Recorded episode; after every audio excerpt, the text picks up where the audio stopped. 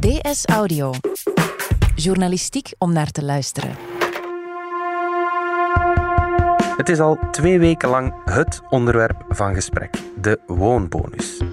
De regering Jan Bon schaft die af. Dat kan gezinnen tot 40.000 euro kosten. En dus is er een stormloop bezig op de vastgoedmarkt. Waarom kwam de woonbonus er en waarom moest hij nu weg? Het is maandag 14 oktober. Ik ben Alexander Lippenveld en van op de redactie van De Standaard is dit DS Audio.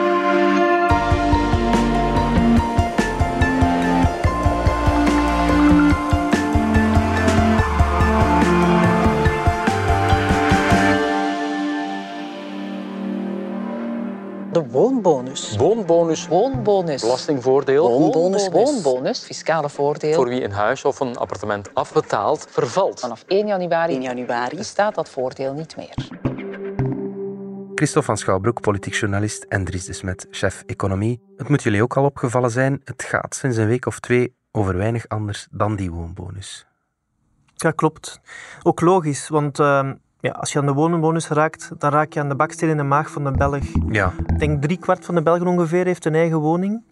Ehm, allemaal genieten die mensen van een woonbonus. Dat is een heel groot segment van de Vlaamse bevolking ja. die je raakt door aan die woonbonus te raken. Je raakt aan hun, aan hun baksteen, Je raakt maar aan ook hun aan hun baksteen in de maag. portefeuille En ook aan hun portefeuille. Ja, En ja. daardoor je onmiddellijk onrust. Ja. Ja, en het probleem was ook de onduidelijkheid en de stuntelige communicatie. Ja. We wisten al lang dat eh, die, die woonbonus zou afgeschaft worden. Ehm, maar toen men dat echt communiceerde, toen het officieel duidelijk werd eh, met het regeerakkoord, wist men eigenlijk de modaliteiten nog niet. En Ja. dat creëerde heel veel onzekerheden en daarom is dat ook eh, zeg maar, de voorbije weken voortdurend in de aandacht geweest. ja, maar nu is er wel duidelijkheid gecreëerd. Ja, dus twee weken na dat regeerakkoord is er eindelijk duidelijkheid over alle modaliteiten. Die onzekerheid, die is ondertussen weg, maar die afschaffing, kwam dat voor jullie als een verrassing? Ehm, voor een stuk toch wel. Ja. Eh, vooral dat die afschaffing dat die zo snel gebeurde. Dat men zei van eh, vanaf 1 januari 2020 is het gedaan met die woonbonus. Dat Ja. gaat dan wel over nieuwe aankopen, niet over iemand die nu al van die woonbonus geniet, voor alle duidelijkheid. Ja, Ja, de eerste aanzet was al gegeven natuurlijk in die startnota Ja. van Bart de Wever, dus midden augustus.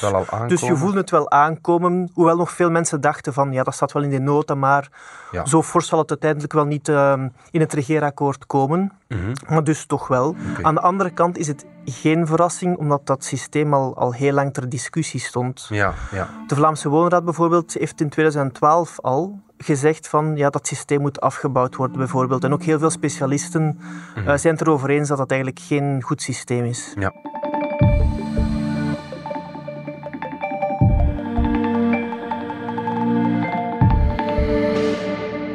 Voor we het over goed of niet goed hebben, nog even de feiten. Die woonbonus. Dat is een fiscaal voordeel voor wie een huis heeft. Zeg ik het juist zo? Ja, nog juister zou zijn als je zou zeggen het is een voordeel voor wie een leent voor een huis. Ja. Dus het is een voordeel op de lening van een huis. En wat je eigenlijk mag doen, is eh, de uitgaven, wat je eigenlijk aan je lening uitbetaalt, Mhm. Dat mag je dan gaan inbrengen in je belasting en daarop krijg je een belastingvermindering. Hoeveel kon die woonbonus dan opbrengen? Veel. Ja. Eh, dus als je dat bekijkt voor een alleenstaande, die leent op een periode van 25 jaar, was het totale voordeel opgeteld over al die jaren een kleine 20.000 euro. Ja. Wat neerkomt op eh, 780 euro per jaar. Oké. Ja. Neem je een koppel, ja, dan loopt dat op tot het dubbele. Dus Ja. 1500 euro per jaar Ja. voordeel. Dat is heel veel. Dat is veel. Ja. Wanneer is die woonbonus er juist gekomen? Ehm, de woonbonus zelf is er gekomen in 2005. Dat was ehm, tijdens de Paarse regering Verhofstadt 2. Ja, nu is dat een Vlaamse bevoegdheid, toen zat dat nog federaal. Toen zat dat nog federaal. Ja. Ehm, er bestond al veel langer een systeem om ehm, het kopen van een woning fiscaal aan te moedigen. Mhm. Ehm, dat bestaat al van, van eh, in de 19e eeuw zelfs. Oké. En men heeft al ja, dat systeem altijd behouden. En voor 2005 was dat een heel ingewikkeld systeem met een aftrek voor de kapitaalaflossingen van je lening, een an- andere aftrek voor de interesten en ook nog een aftrek voor de schuldsaldoverzekering. Ja. En ehm, de regering voor Hofstad, en het was toen Didier Reinders, die minister van Financiën was, ehm, had als bedoeling om dat systeem te vereenvoudigen. Ja. En heeft daar dus één korf van gemaakt, de woonbonus. Ja, oké. En toen is dat systeem niet enkel vereenvoudigd, maar ook veel voordeliger geworden. Wat is eigenlijk die redenering daarachter om dat fiscaal aan te moedigen? Het kopen van een huis of het hebben van een huis? Wel, er is in, in, in België altijd het idee geweest dat eigenaarschap goed is. Ja. Dat het goed is dat er veel mensen zijn die een eigen huis hebben. De typische redenering is dat je daarmee aan pensioenopbouw doet door af te betalen voor een huis. Ja, zet je, eigenlijk geld op, opzij dat je spaart. Ja. En op je oude dag, als je dan geld nodig hebt voor het rusthuis of voor zware medische zorgen bijvoorbeeld, dan kan je huis verkopen en op die manier eh, toch verder leven. Ja. Ja, er zijn ook argumenten die zeggen ja, dat versterkt een buurt. Mensen eh, die een eigen huis hebben, die gaan beter voor een woning gaan zorgen, gaan ook beter eh, zich integreren in de buurt. En dat is dan ook goed voor de samenleving. Ja, oké, dus dat zijn de redenen waarom die woonbonus er kwam. Maar je zei het daarnet al, Christophe, kritiek op die woonbonus die was er al een hele tijd. Waarom eigenlijk?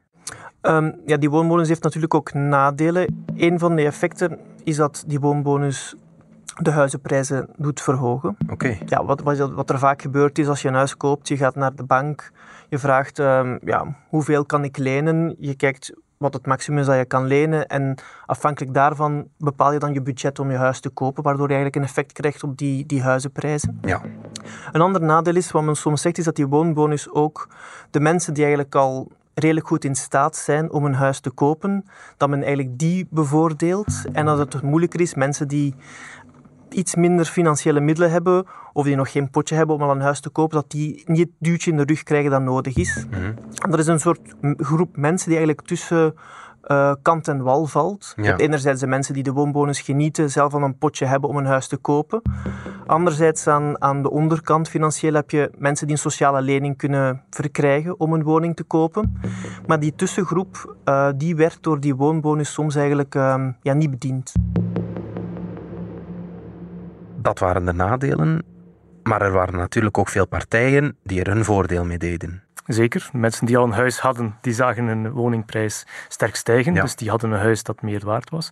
En je hebt natuurlijk ook de banken hebben daar sterk bij geprofiteerd. Want het was een voordeel op de lening. Ja, En ook de vastgoedmakelaars bijvoorbeeld. Want zij kregen een procent op de verkoop. Als die prijzen stijgen, dan krijgen dan ze is dat hoger. een hoger bedrag. Ja, ja, tuurlijk. En de belastingbetaler en de koper, die werd daar slechter van.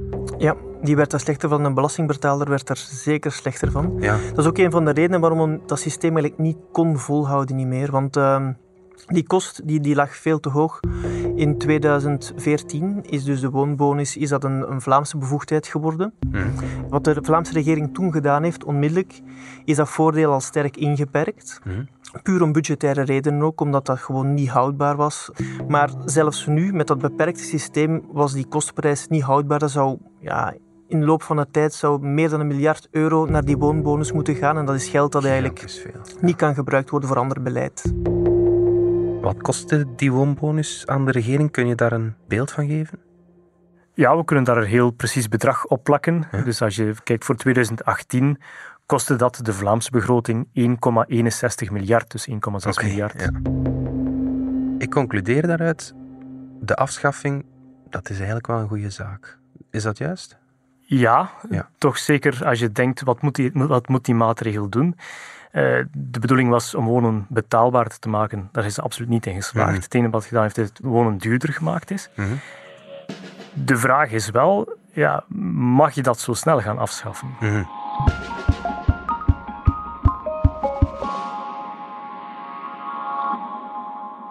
Het klinkt eigenlijk logisch dat die woonbonus wordt afgeschaft, maar toch is er heel veel roering over.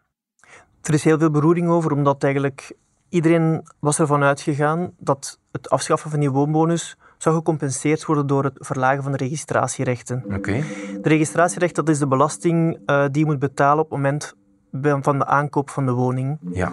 Maar het punt is dat die registratierechten slechts met 1 procentpuntje verlaagd zijn, wat echt heel minim is. Ja. En helemaal niet in verhouding staat tot de woonbonus die verdwijnt. Ja, maak dat eens concreet. Eh, stel, je koopt een huis van 200.000 euro.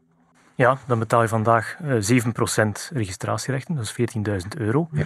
Volgend jaar gaat dat naar 6%, betaal je nog 12.000 euro. Dus je betaalt 2000 euro minder aan belastingen. Ja. Maar 2000 euro, die verlaging, dat is eigenlijk al wat een koppel al bijna in één jaar aan de woonbonus kreeg. Die kregen gemiddeld 1500 euro. Ja. Dus En, en wat had men dan verwacht? Had men dan verwacht dat die registratierechten naar 0% gingen gaan? Of, of... In Brussel is dat bijvoorbeeld gebeurd. Daar heeft men de registratierechten voor toch tot het bedrag van 175.000 euro gewoon naar nul gebracht. Ja. Daar is die compensatie veel sterker gebeurd.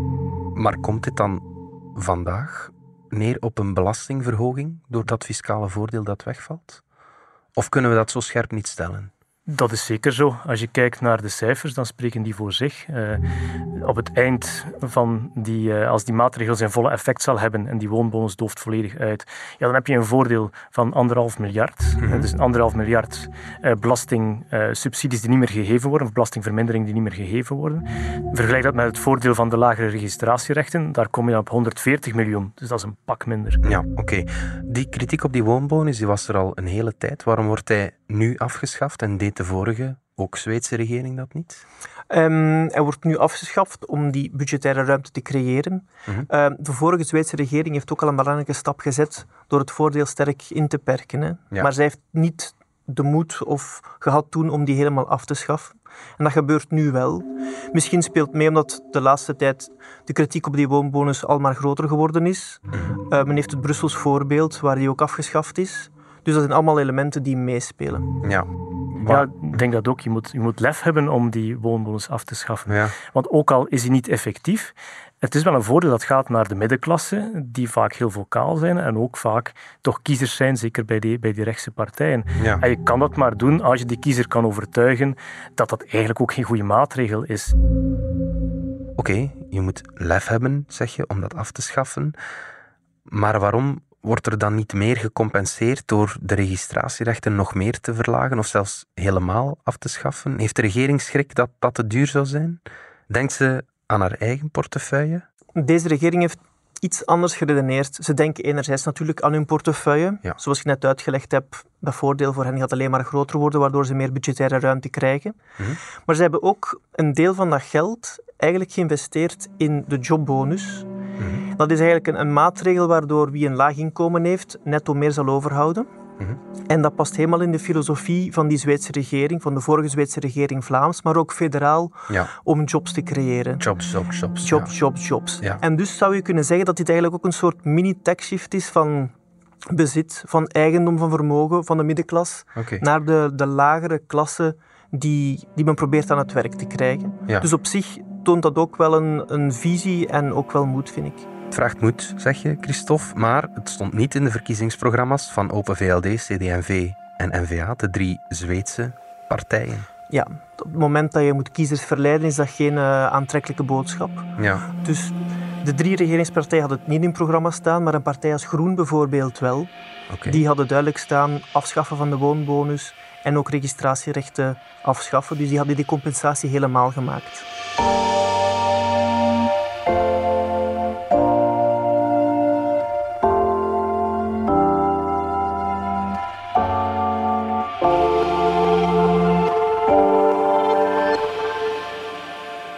Ik heb vorig jaar zelf een huis gekocht. Proficiat. Dank u. En ik profiteer nog van die woonbonus. Maar mag ik dat zeggen, profiteren? Is dat eigenlijk een goede zaak dat ik dat niet volgend jaar bijvoorbeeld doe? Wel, ik merk je aarzeling. Ja. Eh, ja, er zijn twee kanten aan het verhaal. Hè. Je hebt aan de ene kant wel nog dat belastingvoordeel en je blijft dat ook behouden. Ja. Dus men heeft altijd duidelijk gezegd, we schaffen de woonbonus af, maar niet voor degenen die hem al hebben. Oké. Eh, dus dat heb je. Anderzijds ja, kan het zijn dat de prijzen gaan zakken Ja. en dat je eigenlijk te veel betaald hebt. Ja, en als ik mijn huis dan over een jaar of drie verkoop, dan, eh, dan verlies ik eraan. Dat zou goed kunnen, ja. Nee, oké. En gaan de prijzen dan ook effectief dalen door deze maatregel? Dat zou zeker kunnen. Eh, als je kijkt naar het verleden, Mhm. eh, dan zie je dat het in Vlaanderen niet gebeurd is. Mhm. Dus toen men de woonbonus verminderd heeft in 2015, eh, een derde minder woonbonus, ja, dan konden mensen in principe minder gaan lenen. Maar dat is volledig gecompenseerd geweest door het feit dat de rente toen veel meer gezakt is. Ja, waardoor En- je meer kon lenen. Exact, kon je Ja. opnieuw meer gaan lenen, dus dat had geen effect op de prijs. Ja. In Brussel hebben we wel een effect gezien. In 2017 Mhm. is die woonbonus daar afgeschaft, veranderd door een andere regeling. En daar zag je eigenlijk dat de prijzen voor appartementen bijvoorbeeld wel gingen gaan zakken. Dus Ja. min 0,8 procent om precies te zijn. Mhm. Ehm, terwijl in Vlaanderen stegen die op dat moment nog met 4 procent. Ja, En je Dus ziet- de prijzen stegen minder, 5% minder in Brussel dan in Vlaanderen. Precies, en in de jaren daarvoor, dus in de vijf, zes jaar daarvoor, had je altijd een veel grotere stijging Ja. in Brussel dan in Vlaanderen. Meer dan 2% meer dan in, eh, in Vlaanderen. Ja. Dus daar is wel duidelijk een effect geweest. En wat wordt er verwacht voor Vlaanderen? Wel, we hebben op dit moment één inschatting van de KU Leuven. Dus zij hebben op basis van hun model een, eh, ja, een voorspelling gemaakt. En zij zeggen dat de prijzen met 9 à 13 procent kunnen zakken. Oké, dat is substantieel. Dat is behoorlijk veel. Nu, Ja. dat zal niet op 1 januari gebeuren. Nee, dus ja. daar moet je geen schrik voor hebben. Nee. Dat zal even duren. Iemand die zijn woning nog te koop gesteld heeft, net voor 1 januari, die zal zijn prijs niet plots substantieel laten zakken. En dat duurt wel even tegen dat dat in de markt ingecijpeld is als die, als die prijzen al gaan zakken. En het hangt ook af van andere bewegingen. Als die rente nog verder zakt, ga je dat minder hebben. Ehm, als het inkomen plots sterk gaat stijgen, zal je dat ook minder gaan hebben. Ja. Ehm, en men verwacht eigenlijk, die onderzoekers van de KU Leuven verwachten dat dat een, toch twee jaar duurt voordat het volledig in de prijs zit. Wat voor een effect gaat dat hebben op de vastgoedmarkt? Als dat gebeurt, als de prijzen effectief in orde grootte van 10% zakken, Ja. ja. dan ga je zien dat die markt voor een stuk stilvalt. Ja, Eh, waar je nu nog heel veel verkopen had om nog snel van die woonbonus te gaan profiteren, Mhm. zal je dan net het omgekeerde hebben. Mensen gaan wachten tot die prijzen nog verder gaan zakken, want ze zien dat die al een klein beetje gaan zakken. ja. Verkopers gaan zeggen, ja, wij willen niet aan een mindere prijs gaan verkopen en wachten ook nog een beetje. Dus die dreigt dat die vastgoedmarkt verstoord wordt en ja, tot stilstand komt. En dat heeft dan ook weer grote gevolgen natuurlijk. Voor veel mensen is dat een heel belangrijke belegging. Dat heeft ook een, eh, een heel groot gevolg. Ja, dat klopt zeker. Het is voor veel mensen de grootste uitgave die ze ooit in hun leven doen. Ja, Nu, voor veel mensen heeft dat in eerste instantie geen gevolg. Ja. In die zin, eh, de meeste mensen verkopen niet snel hun huis, blijven daar wonen Ja. en na verloop van tijd zullen die prijzen misschien wel opnieuw gaan stijgen. ja, Het is vooral een groot probleem voor die mensen die gedwongen moeten verkopen. Die op dat moment geen andere keuze hebben dan te gaan verkopen. Dan neem een heel extreem geval. Iemand heeft vandaag nog een lening aangegaan voor een huis, heeft Ja. daar veel voor geleend, laten we zeggen evenveel als het huis waard is, ja. moet dan binnen een paar maanden door een echtscheiding bijvoorbeeld eh, gaan verkopen. ja. Eh, en heeft op dat moment, krijgt op dat moment minder terug dan zijn lening die nog uitstaat. Dan moet je nog eh, gaan bijpassen eigenlijk. Ja. Inderdaad, in het slechtste geval lukt dat niet Ja, krijgt de bank minder terug. En zo is ook de kredietcrisis ontstaan. Dus Ja. dat is wel een heel extreem scenario. En oké, dat is een klein segment van de markt, diegenen die moeten verdwongen verkopen. ja. Maar het is wel risicovol, voor je het weet. Eh, ja, heb je ook grotere problemen dan enkel op je huizenmarkt.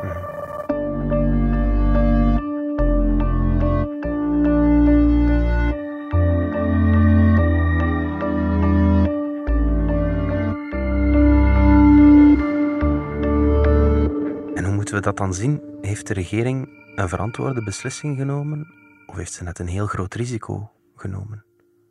Het is zeker een risico, maar het is een politieke afweging. Ja, Kijk, je kan, je kan twee dingen doen. Ofwel zeg je, we schaffen het af en we nemen het risico dat die huizenmarkt tot stilstand komt en dat daar eventueel ook banken in de problemen komen. Maar we hebben dan wel die bu- budgettaire be- beleidsruimte die meteen kan benutten en die ook kan inzetten om andere dingen te gaan doen en ander beleid te gaan voeren. Dus je maakt die middelen meteen vrij. ja. Of je zegt, ja, we gaan dat niet zo snel doen en we bouwen dat over heel veel jaren af. Dat wil zeggen, we hebben een systeem en we behou- behouden die woonbonus maar een beetje minder voor wie nog een nieuwe lening aangaat. Mhm. Maar dan heb je ook die budgettaire ruimte niet. Ja. Dus dat is precies die politieke afweging die gemaakt is. ja. Plus duidelijkheid is ook altijd een, een asset. Hè. Duidelijkheid is ook altijd handig dat je weet van vanaf 2020 is het afgeschaft. En dan dat creëert ook zekerheid. Hè. Duidelijkheid dat is ook niet onbelangrijk in een, in een economisch bestel. Nee. Christophe van Schouwbroek, Dries de Smet, dank jullie wel. Heel graag gedaan. Dag. Dit was DS Audio. Wil je reageren? Dat kan via dsaudio.standaard.be. In deze aflevering hoorde je Dries de Smet, Christophe van Schouwbroek en mezelf, Alexander Lippenveld. Ik deed ook de redactie, net als Fien Dillen. De eindredactie gebeurde door Wouter van Driessen. Brecht Plasgaard deed de audioproductie en schreef de muziek die je hoorde in deze podcast. Chef audio is Wouter van Driessen. De extra audiofragmenten die je hoorde kwamen van VRT Nieuws. Vond je deze podcast interessant? Weet dan dat je er elke werkdag in kunt beluisteren. Dat kan via de DS Nieuws app of via standaard.be-audio. Je kunt je ook abonneren via iTunes, Spotify of de podcast app van je keuze. En als je daar dan toch bent, schrijf gerust een review. Zo toon je ook anderen de weg. Morgen zijn we er opnieuw.